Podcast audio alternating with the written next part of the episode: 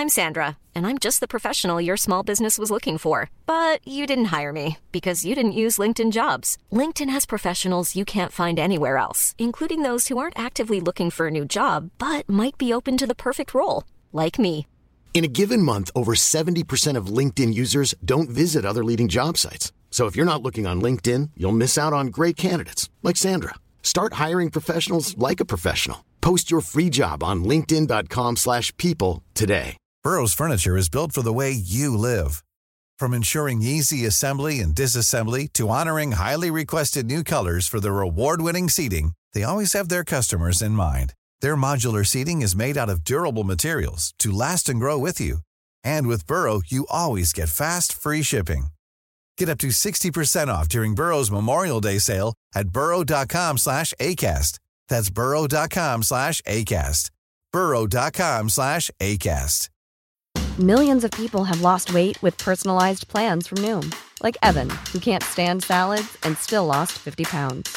Salads, generally, for most people, are the easy button, right? For me, that wasn't an option. I never really was a salad guy. That's just not who I am. But Noom worked for me. Get your personalized plan today at Noom.com. Real Noom user compensated to provide their story. In four weeks, the typical Noom user can expect to lose one to two pounds per week. Individual results may vary.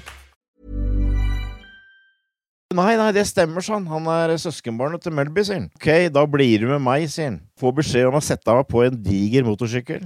Han setter på eh, fullt lys og sirener, og kjører eh, i rimelig høyt fart eh, til Hispora.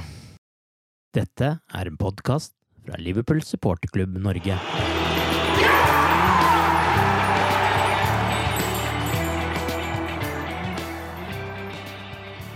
Snart 40 år etter at han var med å stifte supporterklubben, og 24 år etter at han ble den første heltidsansatte, har Torbjørn Flatin nå sin siste uke som fast ansatt i supporterklubben, før han går av med pensjon. Arve Vassbotn heter jeg, og i denne episoden av The Cop Out-podkasten skal vi se tilbake på et langt liv i Liverpool-supporternes tjeneste. Torbjørn, jeg har lyst til å begynne med å spørre deg, hva er det sprøeste du har opplevd på disse 40 årene? Ja, det er, det er ikke det letteste spørsmålet, men uh, jeg, jeg, landa liksom litt ned på en sånn historie som for så vidt ikke har noe direkte med supporterklubben å gjøre. Men uh, du kan si de, de første åra så uh, var jeg jo ikke ansatt. Jeg var postmann i utgangspunktet, men jeg hadde gjerne et par turer i året på ei uke. En på høsten og en sånn rundt påsketider. Og, og da prøvde du å gjøre ting for medlemsbladet, som det den gangen het. Eh, og dette var eh, høsten 1989. Og Liverpool skulle spille bortekamp mot eh, Sheffield Wednesday, så det var altså første kampen på Hillsborough etter tragedien. Og det var veldig spesielt, da, fordi Liverpool fikk samme svingen, altså bortesupporterne fikk samme svingen, men Leppings Lane, eh, hvor, eh, hvor den tragedien eh, hadde skjedd, den blei jo stengt. Sånn at det var, kan du si, halv kapasitet av det som vanligvis var. Så det var, det var stor rift om billettene. Det var vanskelig å få tak i billetter. Og jeg hadde et par kompiser som, som gjerne ordna det for meg også på bortekamper, men denne gangen så sa de at sorry, her er det ikke mulig å få tak i billett.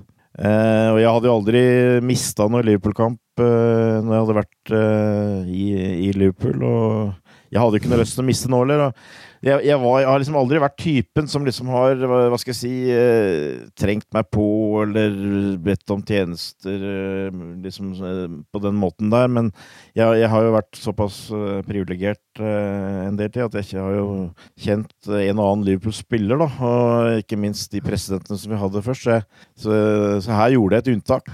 Eh, Jeg visste litt åssen opplegget var. De tok en buss eh, til eh, det stedet kvelden før og la seg inn på hotell. og eh, dro fra Anfield. Eh, så, jeg, så jeg hadde en ganske god idé når de kom til å dra eh, fra Anfield. Så, så jeg drar opp eh, til stadion, eh, og der står ganske riktig spillebussen. Og så kommer eh, til slutt eh, spillerne ut, da, og, så jeg går jeg bort til Jan Mølby og Glenn Hussein eh, og spør at eh, nå er jeg litt ute å kjøre, jeg har ikke billett eh, til i morgen. og kan, har de mulighet til å hjelpe meg med det? Jo, det måtte de vel eh, få til. eh, Så var Jan som på en måte tok initiativet der, da. Så at eh, det skal jeg nok greie, sa han, men da må du hente billetten på billettkontoret på Ilsbra. Mm. Ok, så jeg ordner meg buss og kommer inn på den. Det, det var en, den, hva skal jeg kalle det, offisielle supporterklubbbussen som, som Liverpool FC hadde. De hadde én buss. Med, med, kan du si, eh, slags vakter som også jobba i klubben. Eh, sånn litt eh, strikt buss eh, uten alkohol osv., men det, det var nå så det. Eh, men så kjører vi mot uh, Sheffield, da, og ca. ti kilometer før, uh, før stadion så er det masse lys og politibiler og hele pakka. Det var rett og slett en nærmest blokade om at eh, alle blei sjekka. Alle fans eh, blei sjekka, og eh, det kommer inn en eh, politimann med svær hjelm og, og liksom brøler ut at alle må vise billett. Kamp, kampbillett. Og der sitter jeg bak i bussen ikke sant, og begynner å svette, uten billett, ikke sant. Og så er det noen ganger da, hvor lykkens gudinne, gudinne liksom lener seg over deg og sånt, fordi det, det var jo en som blei med, han, eh, han Du kan si han som uh, var sjef på bussen da. Han blei jo med, han politien, nedover. Ja. Og uh, når han kom til meg, så sa jeg at uh, Nei, jeg har ikke billett, sa jeg, men eh, Jan Bølmy har lagt igjen den eh, på billettkontoret i Sheffield. Og liksom jeg fikk den ha-ha-ha, prøv, prøv noe bedre, ikke sant? eh, fra han politien. Tilfeldigvis da, så hadde han som eh, var med nedover, han var også en sånn vakt eh, til Players Lounge på Antfield ofte. Og for, for øvrig tidligere verdensmester i karate, men det er han også. Uh, ble kalt for uh, Rocky. Uh, men, men det er en annen historie. Men da sa han jo, jo, nei, nei, det stemmer, sa han. Han er søskenbarnet til Melby, sier han. Det er helt sant. Jeg har hatt dem i Players slunch og greier. Så han er jo fortsatt ikke overbevist, han politien, ikke sant? Men ok, da blir du med meg, sier han. Så jeg blir med han ut eh, og får beskjed om å sette meg på en diger motorsykkel. Han setter på eh, fullt lys og sirener.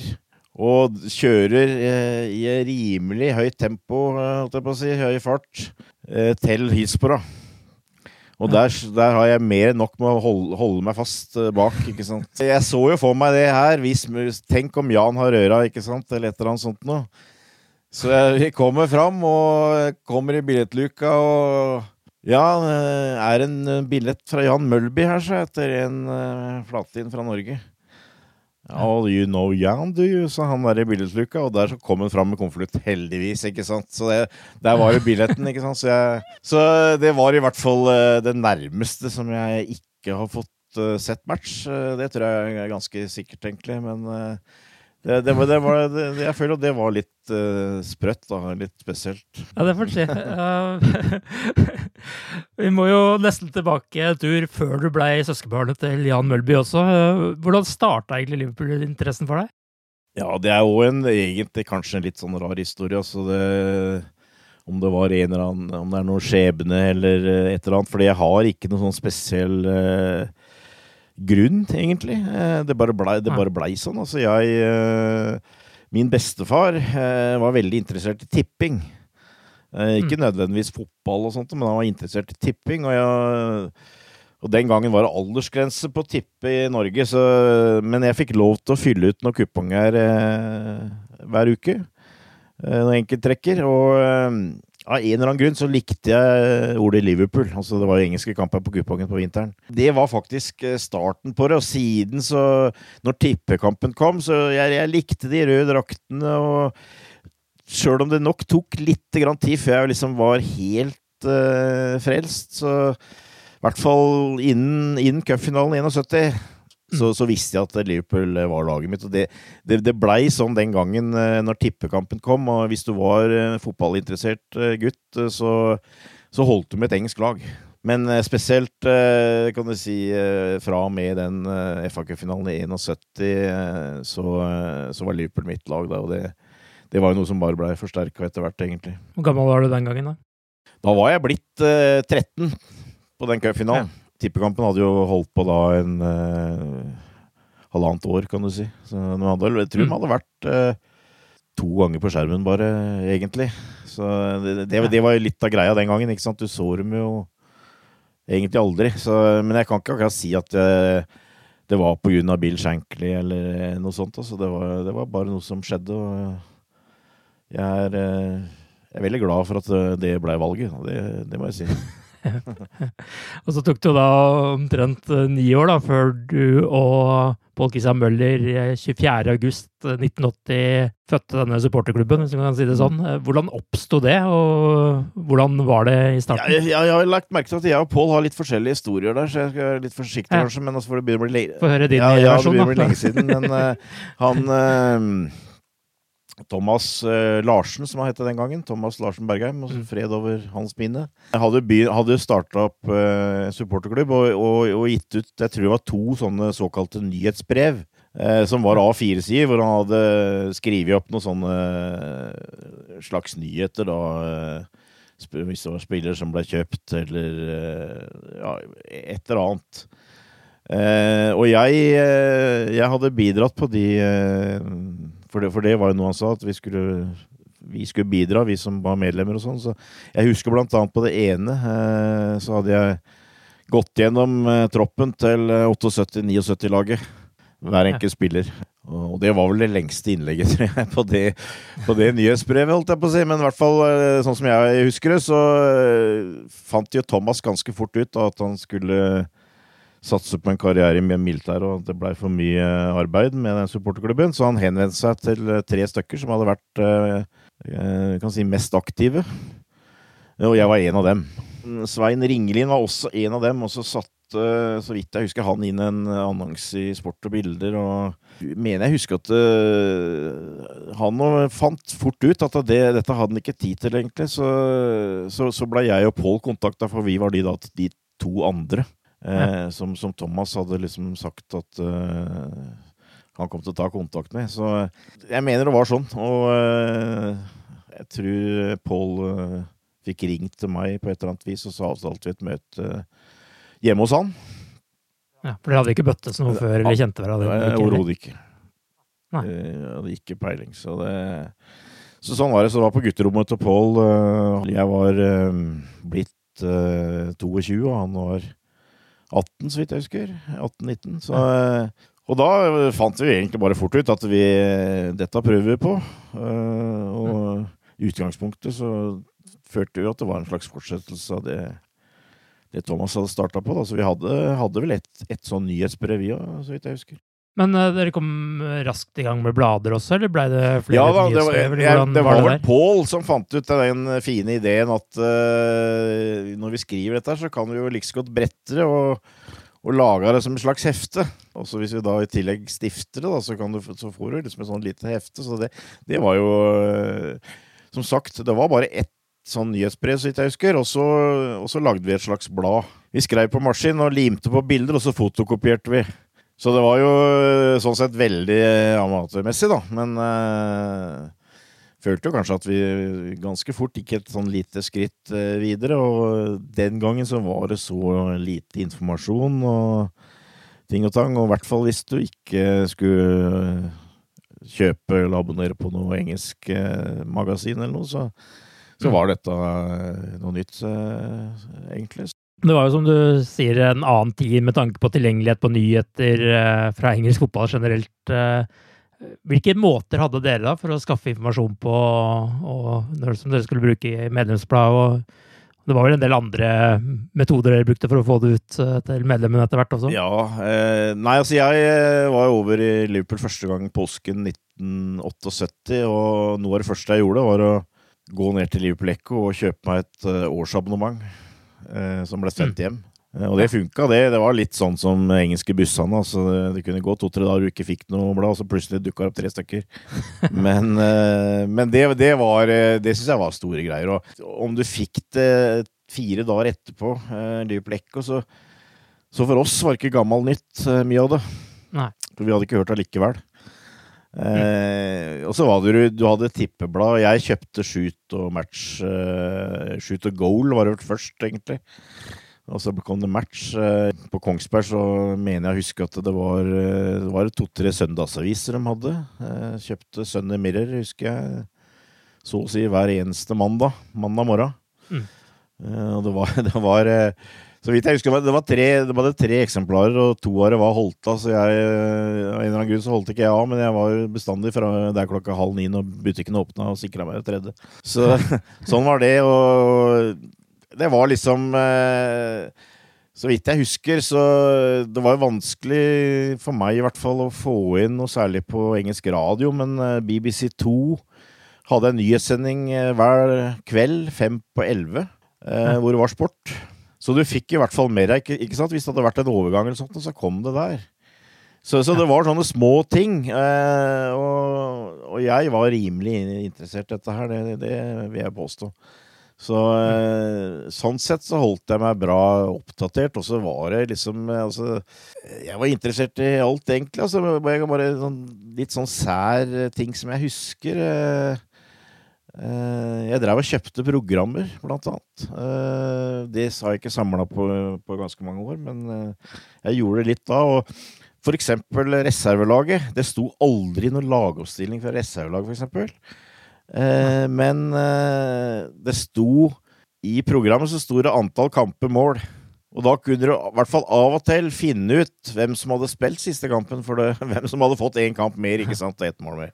Så, så, vi hadde en del sånne opplysninger som nok var til og med I Liverpool så var det folk som var interessert f.eks. av det vi hadde om reservelaget. For de visste heller ikke om noen lagoppstillinger eller noe sånt. Så det, det, det, var en del sånne små detaljer der som jeg føler kanskje at de Kanskje du kan si litt mer sære, da. Syns eh, i hvert fall var interessant. Så jeg, jeg føler at vi, vi dekka et visst uh, behov der, altså. Altså Etter hvert så var det litt sånn telefontjenester og utleie av VHS-kassetter og sånt også? var det ikke? Jo da. jo da. Eh, Pål, eh, han eh, Roger Dahl, som dessverre også har gått bort, eh, dem begynte jo Det var, det var, var noe seinere, det, altså, med den telefontjenesten. Ja. Men vi, eh, vi drev og tok opp tippekamper og lånte ut, og vi kjøpte jo Det var jo sånne Vi kunne vel relativt tidlig kjøpe sånn sesongvideo, så vidt jeg husker, og, og sånne ting. Og du tok opp tippekamper og, og lånte ut og sånn, så det var jo noen sånne, sånne tilbud òg. Men jeg, jeg føler Medlemsbladet var jo en veldig viktig faktor. Dette så må jeg jo si at jeg syns jo vi har vært eh, egentlig relativt tidlig ute med, med nett og alle sånne ting etter hvert. da. Det, det har vi. Men mm. jeg, jeg, tror det kanskje er vanskelig å sette seg inn for mange i dag, eh, men altså, den gangen så var det for eksempel, altså, du kunne få en overgang i tips eh, på tirsdag som hadde skjedd på fredag. Men altså, det var for, mm. ofte så var det en nyhet, altså, ikke sant? Altså, for det var såpass lite eh, på fjernsyn og, og, såpass lite mulighet å, å få informasjon fra England også. Det, sånn sett så var det veldig annen tid, da. Den telefontjenesten, siden jeg nevnte den, det var altså at man hadde et nummer man ringte, og så fikk man servert eh, Liverpool-nyheter eh, gjennom telefonrøret? Ja, det ikke det? Ja. Det ble lagt ut ja. en sånn liten bolk med hva som hadde skjedd. Det ble vel lagt ut uh, en eller to ganger om dagen, tror jeg. Ja, det var vel en del arbeidsplasser som uh, brukte litt uh, kroner på den. Ja, ja, ja. Det, det har jeg en mistanke om, kanskje, ja. Vi hadde jo et veldig, et, et veldig bra eh, treff eh, i eh, Oslo et, etter den første sesongen, hvor, hvor Neil Clemens og David Johnson var på fotballskole på Ullern. Mm. og hvor Phil Neil sa seg villig til å være president. Det var en av, en av de som var viktige for oss, for det åpna dører. Uh, Phil slapp oss inn og vi kom litt inn her. Og det var sånn som på en måte vi, Dette var jo hobbyen fortsatt, så at uh, det var sånn som gikk seg til, føler jeg. Jeg, jeg føler vi blei ble akseptert egentlig fra første dag. Og Phil Nils skrev jo litt brev eh, i ja. medlemsbladet også den gangen, ja. som han sendte inn. Han hadde en egen spolte. Det var Pål som uh, hadde den biten i starten. og det er jo synes jeg, det er litt artig. da. Han sendte brev ikke sant, eh, til hvert blad. og Det blei jo litt sånn der eksklusiv eh, greie, det. da. Så det, nei, det var jo veldig veldig eh, veldig ålreit av han å, å, gjøre det. Men altså, det, dette igjen, dette var eh, en helt annen tid, så det var, det var selvfølgelig et helt helt annet trøkk. Altså, Supporterklubb for Liverpool den gangen var eh, det var, det var, jo den lokale. Eh, og så var det kanskje en fra Irland. Eh, så, eh, ellers så var det sjelden. Vi var, var, tidlig ute. Når du ser tilbake nå, altså ser bort fra alle kampene og sånt, hvilke historier og møter på jobb for The Cop-Out eller gamle medlemsbladet før det skifta navn, har satt dype spor når du har vært over i Liverpool? Det er ikke lett å sette opp liste, det, det må jeg si. Altså, det er, eh, for meg så er det liksom egentlig en sånn eh, hva skal jeg si, lang reise. Og det, det syns jeg er ikke så lett å, å sette opp noe, for så vidt. Men du kan si Jeg vil kanskje påstå at det er få nordmenn utenom de som har spilt for klubben, som har vært flere timer på verandaen på Melvin enn jeg har vært. Eh, ikke bestandig like glamorøst, eh, men jeg sugde til meg hvert minutt, og jeg har sett en god del. Eh, ikke nødvendig som det blir sånne svære historier, da, med sånne små detaljer, ikke mm. sant. Mm. men hvis jeg, skal, hvis jeg, skal, tenke på litt uh, Hva skal jeg si øyeblikk, så at så, Som en journalist så tror jeg kanskje det mest spesielle som jeg, som jeg tenker på, er Eh, jeg var der den uka hvor eh, Roy Evans forlot stillingen som manager. Og litt sånn rett og slett inside, fordi eh, det var fortsatt for oss relativt åpent, og jeg hadde avtalt blant annet intervjuer. og jeg var med på alle pressekonferansene. Jeg kom meg innafor den morgenen som Roy tok farvel med spillerne. Uh, eh, Snakka så vidt med en sjøl og, og, sånne ting. Og nå, nå, greide vi på en måte ikke å utnytte det, for vi hadde liksom ikke den kapasiteten og, de mulighetene, sjøl om vi hadde, vi hadde, vi var oppe og gikk med nettside, men uh, vi fikk liksom ikke maks utnyttelse. Men vi var allikevel først ute med hvem som blei assisterende manager. Uh, vi var veldig tidlig ute med at Roy var, var ferdig. og og jeg var på pressekonferansen etterpå hvor først uh, Evans gråtende forlater klubben, og så kommer, kommer da en ny, ny gjeng inn med, med Holier og Thomsen. Uh, så det var uh, veldig sånn spesiell uke, føler jeg, hvor jeg, hvor jeg følte at jeg kom, kom veldig innpå. Så ellers så var jeg f.eks. Uh, på pressekonferansen hvor Benitez hadde en tirade mot Alex Ferguson. Og, og, du så liksom rutinerte journalister som bare himla med øya. Hva i all verden er dette? Ikke sant? Altså, ja. Så det, det, er et par sånne ting som kanskje sitter uh, djupt. Men altså, det, det, er jo noe av fordelen med det sånn som jeg, jeg har det nå, og som jeg kommer til å få, holdt jeg på å si. Fordi at, som sagt, jeg har tilberedt eh, mange timer på Melwood.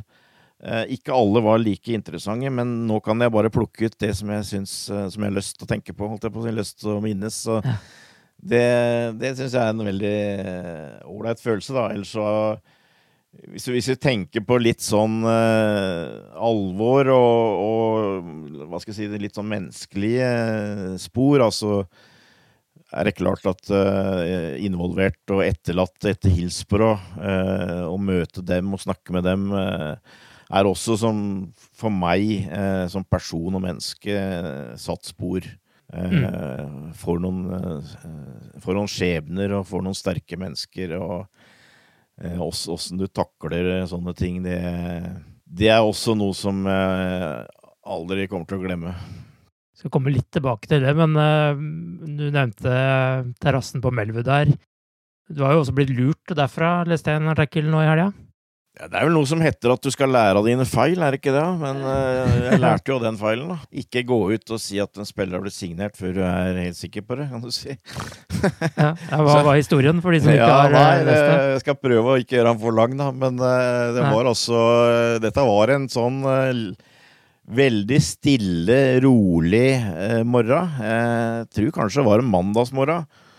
Eh, hvor spillerne liksom hadde hatt ei lett økt eh, etter en kamp, og det var kun jeg og han som uh, eh, jobba for Liverpools egen hjemmeside, som satt på verandaen der.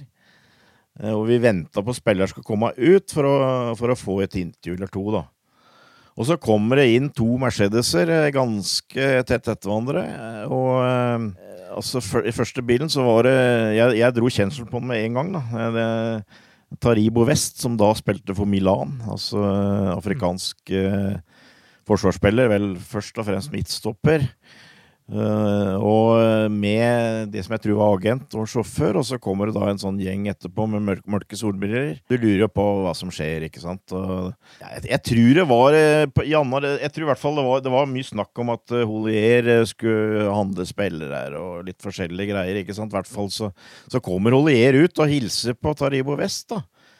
Så du begynner jo å lure på er det noe som skjer i forbindelse med at kanskje Liverpool skal hente Taribo West. Det, det må jeg si at det eh, Det var en tanke som slo meg relativt tidlig der.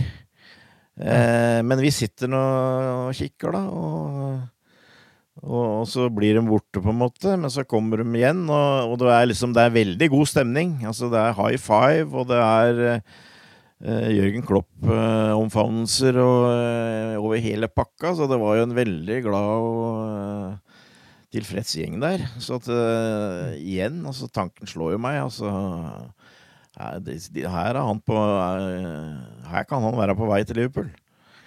Og dette mm. sier jeg til han kollegaen min som sitter der, for her tror jeg kanskje Liverpool er i ferd med å kjøpe en spiller seg. Og og han eh, tar mot til seg da, og går bort eh, til Taribo West, da, som står der, og lurer på om han kan få et intervju.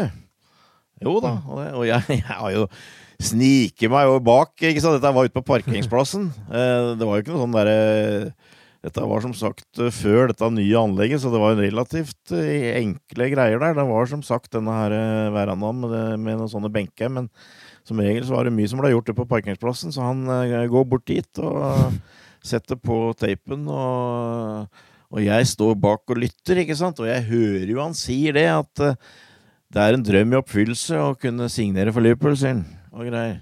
Mm. Ikke sant? Så vi er jo begge ganske opprømte, ikke sant? Uh, dette er jo ingen som har hørt noen ting om. Så, så, uh, så jeg spør jo han hva, hva gjør du nå? Hva gjør du nå, liksom? Nei, jeg måtte jo spørre Liverpool hadde fått pressesjef, da. Det var jo relativt nytt, men Eh, så han drar og spør han, da. Nei, det får han ikke lov til å skrive noe om. Så han er liksom, blir litt sånn deppa av det, egentlig. Da. Så tenker jeg her eh, Nå har jeg muligheten, ikke sant. Det, det var jo, den gangen var det sånn at eh, Holier kom inn med ganske mye regler og sånt, så den gangen hadde du ikke lov til å bruke mobiltelefon Nei. Innenpå der. Det er sånn stort skilt. Eh, forbudt med mobiltelefon. Men jeg hadde den jo med meg, ikke sant, så jeg sniker meg rundt uh, uh, Disse her uh, banemannskapet hadde en sånn uh, lita bu på baksida av hovedbygningen der, så jeg sniker meg bak der, og så ringer jeg hjem til Tore Hansen og sier at du, nå har jeg akkurat hørt at Liverpool har kjørt en ny spiller. Så dette blir jo toppsak, da, på, på liverpool.no, og dette var, eh, det var rundt 2000 var dette her. Skal jeg være litt forsiktig akkurat datoen, men eh, det var tidlig med Olier. Mm. Sånn at uh, internett var relativt nytt, så at uh, skulle jeg inn på nettet i Liverpool, så måtte jeg inn på en internettkafé. Så jeg tar taxi ned til byen og setter meg på internettkafé. Og forventer egentlig da å kunne lese om uh, Taribo West i Liverpool. Altså jeg, jeg visste det var på liverpool.no, men jeg hadde vel kanskje venta at det var noen andre steder òg. Men det var det ikke. Så jeg begynte å, begynte å ane en litt ugler i mossen her, da. Uh, og uh, så ja. kjente jeg Jeg hadde blitt kjent med han eh, Chris Bascom, som den gangen var uh, kan du si Liverpool-korrespondent i, i, i, Liverpool Echo, altså han som fulgte Liverpool FC. og ringer han. jeg har kanskje en nyhet til deg, det tror jeg faktisk jeg begynte med, men, men jeg har vært på Melwood nå og, og hørt at Taribo West har sagt at han har signet for Liverpool. Nei, det hadde ikke han hørt noen ting om. Han skulle sjekke. Så ringer han meg litt etterpå. ikke sant? Nei, han har ikke hørt noen ting. Eh, og Liverpool uh, sier at det er helt ukjent. Så ja. da skjønte jeg jo at uh, her er det noe muffens. Ikke sant? Så jeg må jo bare ringe Tore og si at uh, sorry, dette her kan jeg, skjønner jeg ikke, men her er det et eller annet som har skjedd. da. It's that time of the year. Your vacation is coming up. You can already hear the beach waves, feel the warm breeze, relax, and think about work. You really, really want it all to work out while you're away. Monday.com gives you and the team that peace of mind. When all work is on one platform and everyone's in sync, things just flow wherever you are. Tap the banner to go to Monday.com. Burrow is a furniture company known for timeless design and thoughtful construction and free shipping, and that extends to their outdoor collection. Their outdoor furniture is built to withstand the elements, featuring rust-proof stainless steel hardware, weather-ready teak, and quick-dry foam cushions. For Memorial Day, get 15% off your Burrow purchase at burrow.com slash ACAST and up to 25% off outdoor. That's up to 25% off outdoor furniture at burrow.com slash ACAST. I'm Sandra, and I'm just the professional your small business was looking for. But you didn't hire me because you didn't use LinkedIn jobs. LinkedIn has professionals you can't find anywhere else, including those who aren't actively looking for a new job but might be open to the perfect role, like me. In a given month, over 70% of LinkedIn users don't visit other leading job sites. So if you're not looking on LinkedIn, you'll miss out on great candidates like Sandra. Start hiring professionals like a professional. Post your free job on linkedin.com/people today. There's never been a faster or easier way to start your weight loss journey than with PlushCare. PlushCare accepts most insurance plans and gives you online access to board-certified physicians who can prescribe FDA-approved weight loss medications like Wigovi and Zepbound for those who qualify. Take charge of your health and speak with a board-certified physician about a weight loss plan that's right for you. Get started today at plushcare.com slash weight loss. That's plushcare.com slash weight loss. plushcare.com slash weight loss. Hey there, it's Michelle Norris. I'm host of a podcast called Your Mama's Kitchen. When I travel, I'm usually looking for a way to find a taste of home when I'm not at home. And one of the things I love to do when I am at home is entertain. And Airbnb allows me to do that. When I was in California recently, I rented a house that had a great kitchen. And when we were sitting around the table, we were all thinking, we're in someone else's house. Someone could be in all of our homes as well. If you have a home, but you're not always at home, you have an Airbnb. Your home might be worth more than you think. Find out how much at airbnb.com/slash host. Så vi måtte jo bare halen mellom bein da, og beklage. Så eh, Og det hører litt med til historien at Ekko hadde en sånn eh, egen side. Tror det var Liverpool som hadde egen Altså Bascom som hadde egen side hvor han hadde liksom noen små sånne rariteter, kan du si, som hadde skjedd i løpet av uka. da og da kom det at det var en norsk journalist eh, som hadde blitt lurt på Melwood eh, med Taribo West, som hadde vært og besøkt Rigobert Song.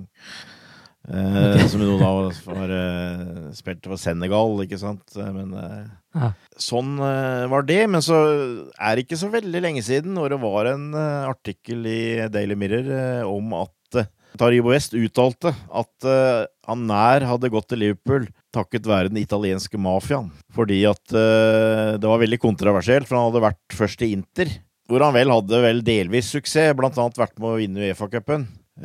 Og så hadde han gått rett til Milan, og det var jo både uvanlig og ikke spesielt populært. Så mafiaen ville ha han vekk. Og det var blant annet noen eh, legendariske eh, forsvarsspillere i Milan som Maldini, Costa Curta, Nesta, som de følte at han trua plassen til. da. Så han hadde egentlig mer eller mindre fått beskjed om at du kommer deg vekk. Når jeg tenker på de folka som var på den eh, seansen eh, på Melwood der, så tror jeg kanskje at jeg var nærmere sannheten enn jeg ei stund trodde, da. Men, eh, så det var, det var nok noe i det, sjøl om det blei feil. Så, Ja. men sånn var det. Jeg, jeg, jeg lærte ei lekse der. Så Ja. nå, er, nå, er, nå kan jeg le av det.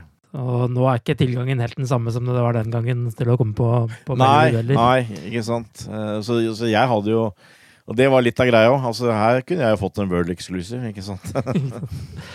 Men som du var innom, 40 år med Liverpool-historier er jo ikke bare oppturer. eh, Og allerede fem år etter at supporterklubben ble grunnlagt, så kom Heisel-tragedien. Eh, Du var jo selv til stede på den finalen. Hvordan opplevde det å være der 29. mai 1985?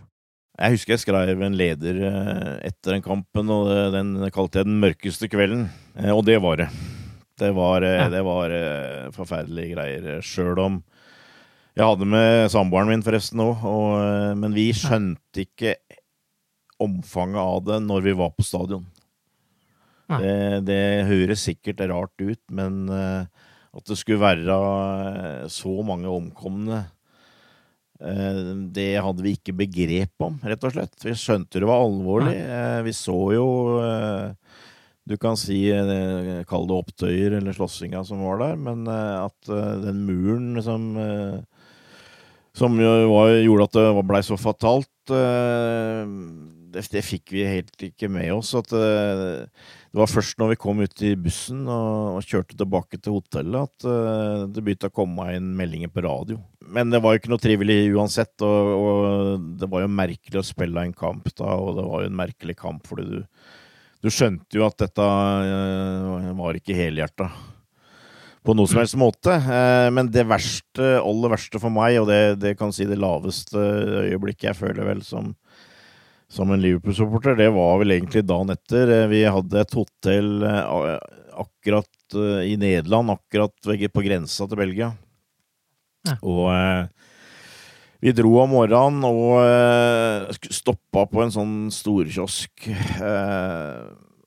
for å kjøpe noen aviser og lese om dette her og, og litt sånt noe. Der eh, var det en del folk, og eh, vi blei nesten eh, geleda ut i en nærmest spissrotgang hvor, hvor, alle bare sto og nistirra på oss.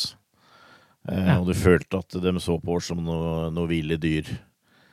Og, mm. Så det var eh, veldig litt eh, hyggelig. Og ja. Eh, du følte deg veldig liten og, og skamfull, rett og slett. Så ja. det, det var Det var den mørkeste kvelden, det er helt sikkert. Og det, det, det er noe jeg håper jeg aldri får oppleve igjen. Men ble du noe skeptisk til å gå på kamper etter dette og den perioden som var da, eller hvordan takla du det? For meg eh, vil jeg si nei. Eh, Grete har aldri gått igjen. Nå har ikke hun vært veldig interessert i fotball, det skal jeg si, men altså, hun var jo med på en og annen kamp den gangen. Mm. Men hun har aldri gått igjen. Uh, men uh, det er veldig vanskelig å forklare, Arve, og, du, og, du, og du, du, har ikke noe lyst til å prate om det, fordi at uh, du det er, det er, ting der du ikke kan forsvare. Men, men mm. dette var ei tid eh, hvor, hvor, det var, eh, kall det bruduljer, på tribunen til stadighet. Og så ja. kommer det en kamp hvor på en måte alt går gærent. Mm. Eh, hvor politiet, kan du si, eh, opplegget og sikkerheten ikke er bra, og stadion er forfallen. Eh, mm. Du har én en supporterskare som er ute etter hevn etter finalen i Roma året før, hvor Liverpool-supportere ble utsatt for en del knivstikking osv. Og så er det en sånn eh, mot en mer eller mindre nøytral seksjon, hvor det i utgangspunktet skulle være Juventus-supportere, som da ikke er interessert i å på en måte ta en fight, ikke sant, men de, de stikker. Eh, så jeg, jeg det, er, det, er, sagt, og det, kan sikkert si jeg er kontroversielt, men jeg føler at det, det er det var noe som kunne skjedd eh, flere toppklubber på det tidspunktet. Dessverre så var det Liverpool som eh, det skjedde med. Og, det kan vi ikke forsvare, men eh, det, det, var en del omstendigheter rundt det. Og, og derfor så føler jeg òg, kan du si, at vi Det blei gjort grep uh, umiddelbart. Og i England hadde de vel egentlig allerede begynt å på en måte takle det greiene der. Altså de uh, mm de fordelte fans, ikke sant, fra hverandre, og det var politieskorte, kan du si, fra togstasjoner til stadion osv. Så videre, sånn. Eh, så det fantes ikke i, i Brussel, eh, på Heisel. Eh, så, så, det var allerede i gang. Så personlig så var det egentlig aldri noe som slo meg at jeg skulle slutte å gå på kamp. Det, det var ikke, altså.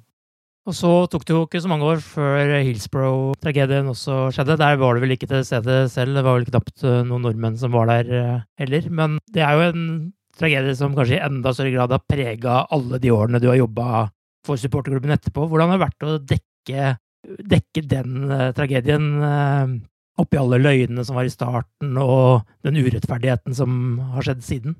Nei, altså det, det har vært veldig sterkt, men på en måte var det også litt eh, rart uh, i starten, fordi at uh, du kan si du hadde de årsskiftene til The Sun, som for så vidt jo kom fram tidlig og, og, og blei mye omtalt. Men, men, utover det så var det lite informasjon eh, på en måte eh, Hva skal jeg si om hva som har skjedd? Altså, jeg eh, gjorde mitt første intervju med Støtteforeningen, eller altså de etterlatte, etter Hillsborough. Jeg, jeg mener det var ca. et år etterpå.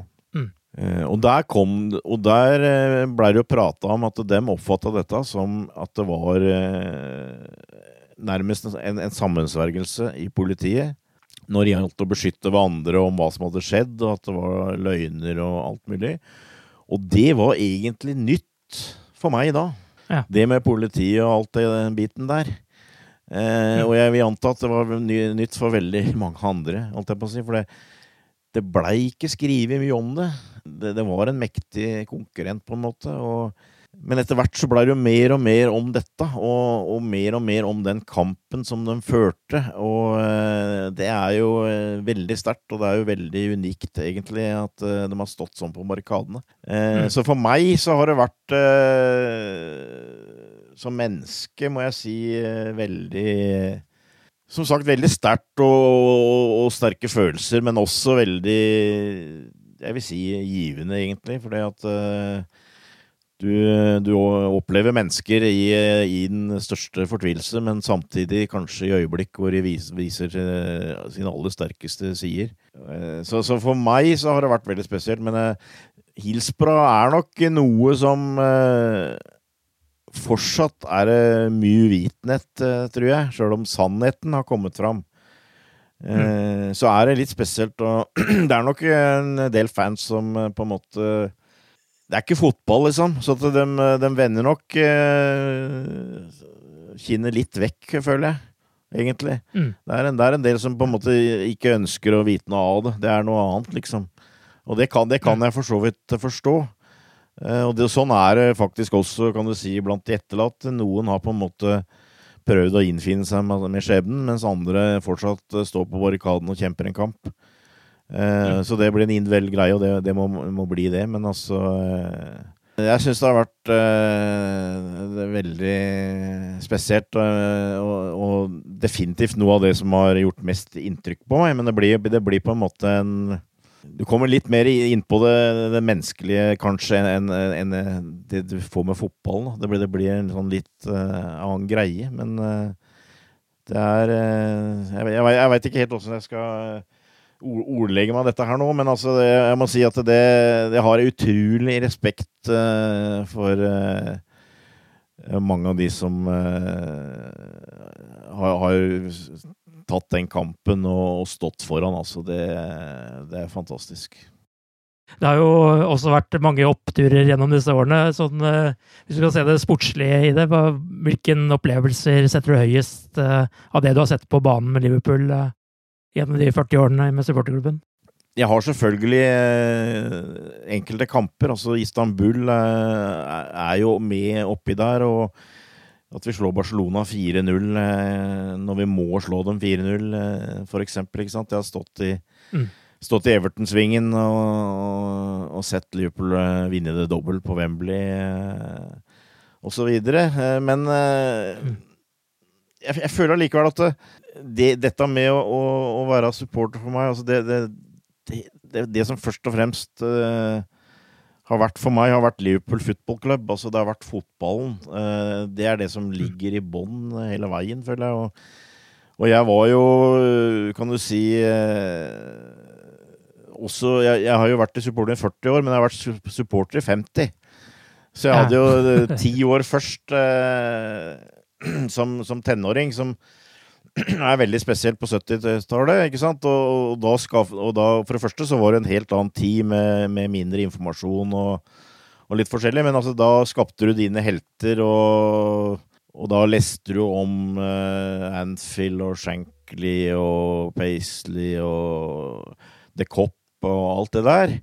Uh, så det å få opplevd det, uh, og på en måte kommet litt innafor der For mm. meg er det nok det som betyr aller mest. Altså, jeg husker fortsatt mm. første kampen på The Cop uh, hjemme mot Nottingham Forest i 79-80-sesongen. Uh, eh, og den gangen var det sånn at du gikk opp uh, ganske lange trapper bak The Cop for å komme inn, og så kommer du inn der, så ser du hele Det er for så vidt bare en uh, diger uh, tribune med i betong. Uh, mm. Men likevel, det, det å gjøre det første gangen det, det, var svære greier, altså. Det må jeg si. Og jeg Den gangen så var det telleapparater, så du stelte deg i kø.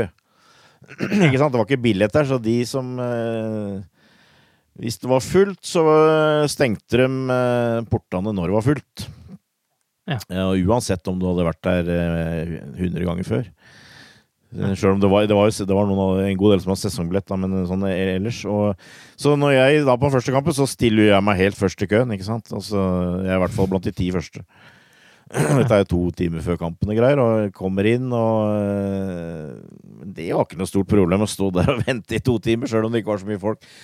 Men jeg finner meg jo en kjempefin plass, eh, ikke sant? Litt sånn ute på sida bak målet passe avstand, føler jeg. Ser, ser godt eh, bort på Anfield Road og greier og sånn. Altså. Kvarter før kampen så kommer en svær skauser, ikke sant, eh, med rødt skjegg og ja. This is my spec mate, sa han bare. Ikke sant? Eh, der hadde han stått i 15 år, så der kunne ikke jeg stå. Så jeg måtte jo bare finne meg en helt annen plass. Sånn var det. Men det var greit, det. Men altså sånne øyeblikk. Og eh, det var en kamp hvor eh, Liverpool eh, var helt i toppen, og Forest var fortsatt en stor rival. Mm. Og Liverpool vant 2-0 etter to seine skåringer.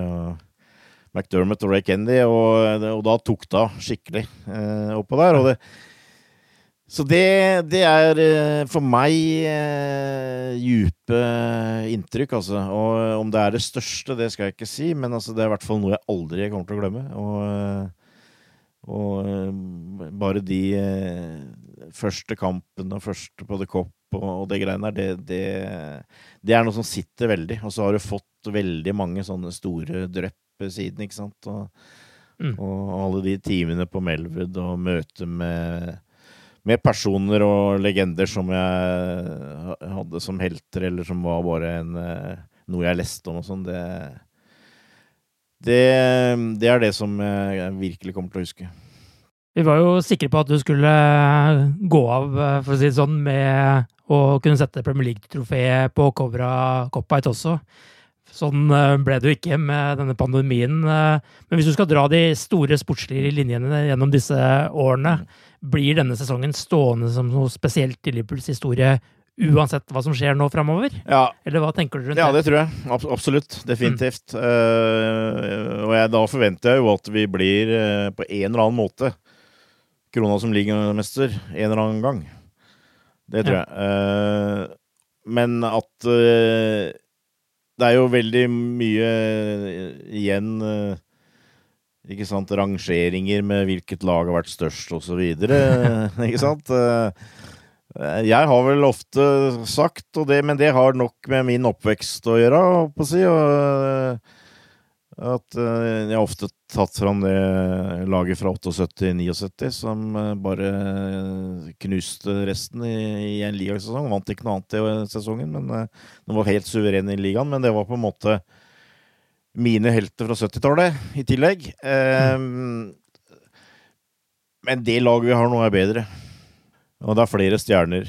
Uh, og det er eh, De setter jo rekorder som uh, nærmest var uhørt uh, på den tida der.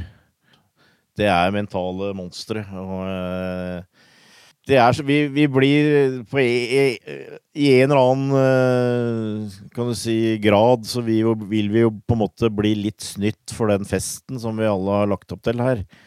Eh, men vi, skal, vi er helt sikre på at vi greier å ordne oss eh, nye fester og, og sikkert våre egne måter å, å feire det på. Så ja, jeg, jeg, tror det. Og, det, det, Jørgen Klopp har bygd nå, det er eh, Som sagt, jeg tror, jeg tror, du ikke kan sammenligne det med noe. Og det, og det at vi nå også i tillegg har venta i 30 år For meg er det helt der oppe. Helt der oppe. Og når, når Bill Shankly kom inn som en frelser, riktignok fra annendivisjon, som, som selvfølgelig er, er, blir noe, noe annet, da, men allikevel og vant ligaen i 63-64, eh, Så var det 27 år siste gangen. Men nå er det 30. Ja. Det er enda Mm. lenger nå, ikke sant? Eh, ja, jeg, jeg tror det blir det, det, er jeg helt sikker på at det, det kommer til å bli å være noe helt spesielt. Så får vi vel kanskje bare håpe at det blir med en minst mulig asterix ved siden av, at man får eh, spilt eh, ferdig de siste kampene og kan få, kanskje få med seg litt eh, rekorder eh, på veien her også. Det hadde vært moro. Eh, for meg er det aller viktigste nå at vi kan vinne ligaen, men jeg er enig med deg. Altså at, eh, at vi får spilt ferdig kampene. Det hadde vært veldig fint. Og så kommer de rekordene litt i annen rekke for meg, men ja, det hadde selvfølgelig vært moro også. også tatt eh, flere poeng enn eh, Tatt mer enn 100 poeng. Eh, og, og, og slått den rekorden til City. Selvfølgelig hadde det vært det, og det og det hadde vi fortjent eh, med, det, med det laget vi har nå. Det men, men det Først og fremst nå så må vi sørge for å Hadde det vært veldig moro at vi, vi, vi, kan, vi kan få avslutta ligasesongen på en, eh, en bra måte. Vi har jo sagt det mange ganger, men det er jo snart 40 år siden du og Pål Møller starta dette her. Hva er du mest stolt av gjennom disse 40 årene, hvis du tenker sånn i supporterklubbsammenheng? Ja, altså Det er også litt vanskelig, for som jeg sa, nettopp sa, at for meg så er det Liverpool FC som har vært den store greia. Det er det som har vært eh, Mm. drivkraften. Eh, så, så for meg så er jo Liverpool supporterklubb et, et, et slags bootrum, hvor du har en gjeng med eh, rimelig ålreit folk eh, som har forskjellige kvaliteter. Mm. Og for meg har det vært litt den derre eh, Kall det journalistiske biten. Altså jeg har vært en som har fulgt bra med. Eh, Mm. Vært mye, som sagt, mye på Melwood og, og liksom tatt den biten der. Så jeg føler jeg har bidratt der. Og, så, så hvis jeg skal si helt personlig, så føler jeg vel kanskje at uh, Jeg er litt stolt av at uh, jeg som en relativt uh, beskjeden fyr, egentlig, i hvert fall den gangen, gjorde hobbyen min Greide å gjøre hobbyen min til, til mitt arbeid. Eh, Det er jeg litt stolt av at jeg eh, fikk til det. Og så, og så er det eh, medlemsblad, eh, det som etter hvert blei The Cop-Out, som på en måte er litt mitt hjertebarn når når det er mm. snakk om supporterklubben. på en måte. Så, så det har på en måte vært, føler jeg, mest min rolle. Og så har det vært andre som har tatt veldig viktige tak på andre områder i supporterklubben. Så det må bli noe sånt, tror jeg. Husker dere hva ambisjonen deres var når dere starta opp? Om hvor mange medlemmer dere trodde dere skulle klare å få? Altså, altså min ambisjon eh, Jeg vet ikke om jeg kan kalle det ambisjon engang, men altså det jeg tenkte Dette her, altså jeg, eh, som sagt, jeg abonnerte på Ekko. Jeg var, jeg var Jeg leste sportssiden i avisene tidlig. Mm. Eh, så sjøl om jeg ikke hadde noen slags journalistisk utdannelse, sånn, så, så var jeg litt interessert i det. Så jeg, jeg visste med meg sjøl at de nyhetsarka, altså de eh, nyhetsbreva som det blei kalt, dem skulle jeg greie å gjøre minst like bra, sånn som det var. Mm. In, innerst inne så visste jeg vel at jeg kanskje skulle prøve å gjøre, gjøre enda litt mer grundig. Eh, Og det var nok mye av min ambisjon. Jeg tror kanskje Paul Møller eh, muligens hadde tidligere litt større vyer og tanker og sånt noe, men der er du inne på det som jeg var eh, inne på i stad. Jeg føler at vi har hatt eh, gruppe med de som har styrt i supporterklubben, som har hatt litt forskjellige kvaliteter. For eksempel allerede tidlig greie å produsere et rimelig bra medlemsblad med, med nyheter og informasjon til medlemmene. Det, det føler jeg at jeg skal eh, være såpass ærlig og si at det bidro jeg en god del til. Eh, og det var min greie. Eh, men akkurat det at vi i dag sitter med helt utrolige flere av 40 000 medlemmer, det, det føler jeg at det er eh, bare noe som jeg er en liten brikke av. Nå skal du jo heldigvis ikke gi deg helt med dette. Du skal fortsatt bidra i både podkast og Cop-Out på frilansbasis også framover. Men hva har det å være Liverpool-supporter betydd for deg i livet? Hva er det du føler kjennetegner det å være Liverpool-supporter? Ja, altså jeg hadde, jeg hadde en veldig driftig og flink eh, norsklærer på videregående, husker jeg. Han, han eh, husker jeg sa at eh, alle, vi har alle våre oppgaver i livet, sa han. Eh, Om, jeg, om, jeg, om, jeg, om det er riktig å si at jeg har som oppgave, men også mm, Mitt liv har vært prega av Liverpool FC. Eh, Jeg kan vel ta med fotball, kanskje, og min nærmeste familie. Eh, Nå føler jeg ikke at jeg er helt sånn hjernedød med alt annet heller, men det, det, det er det som har prega livet mitt, rett og slett. Eh, Det er det som har på en måte farva hele livet mitt. eh, Og eh, du møter jo supportere, hva skal jeg si, i alle fasonger og sånt, og, og det har jeg respekt for.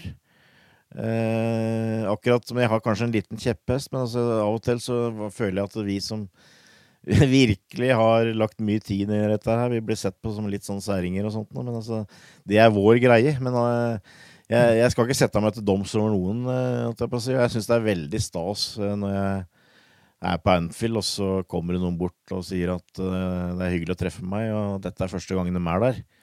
Mm. Fordi Så, så jeg, jeg, jeg, jeg har ikke noe lyst til å lage noen slags modell til åssen du skal være som eh, Liverpool-supporter. Det, det får hver enkelt opp der. Men vi, vi er alle, alle glad i den klubben der. Men uh, for meg så har det rett og slett vært en livsstil, føler jeg. Med det så sier jeg takk for at du var med, Torbjørn, og ikke minst takk for alt du har gjort for Liverpool-supportere i dette landet her gjennom alle disse årene. Eh, Selv om vi fortsatt kommer til å snakkes også i denne podkasten framover, så må jeg jo bare ønske deg lykke til med den nye tilværelsen.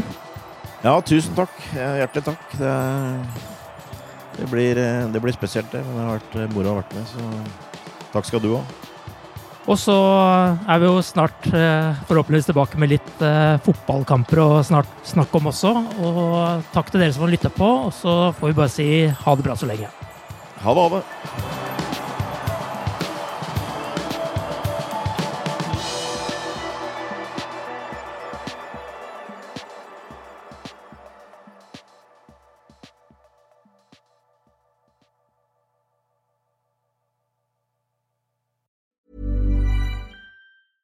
A lot can happen in the next three years. Like a chatbot may be your new best friend. But what won't change? Needing health insurance. United Healthcare Tri Term Medical Plans are available for these changing times. Underwritten by Golden Rule Insurance Company, they offer budget friendly, flexible coverage for people who are in between jobs or missed open enrollment. The plans last nearly three years in some states, with access to a nationwide network of doctors and hospitals. So, for whatever tomorrow brings, United Healthcare Tri Term Medical Plans may be for you. Learn more at uh1.com.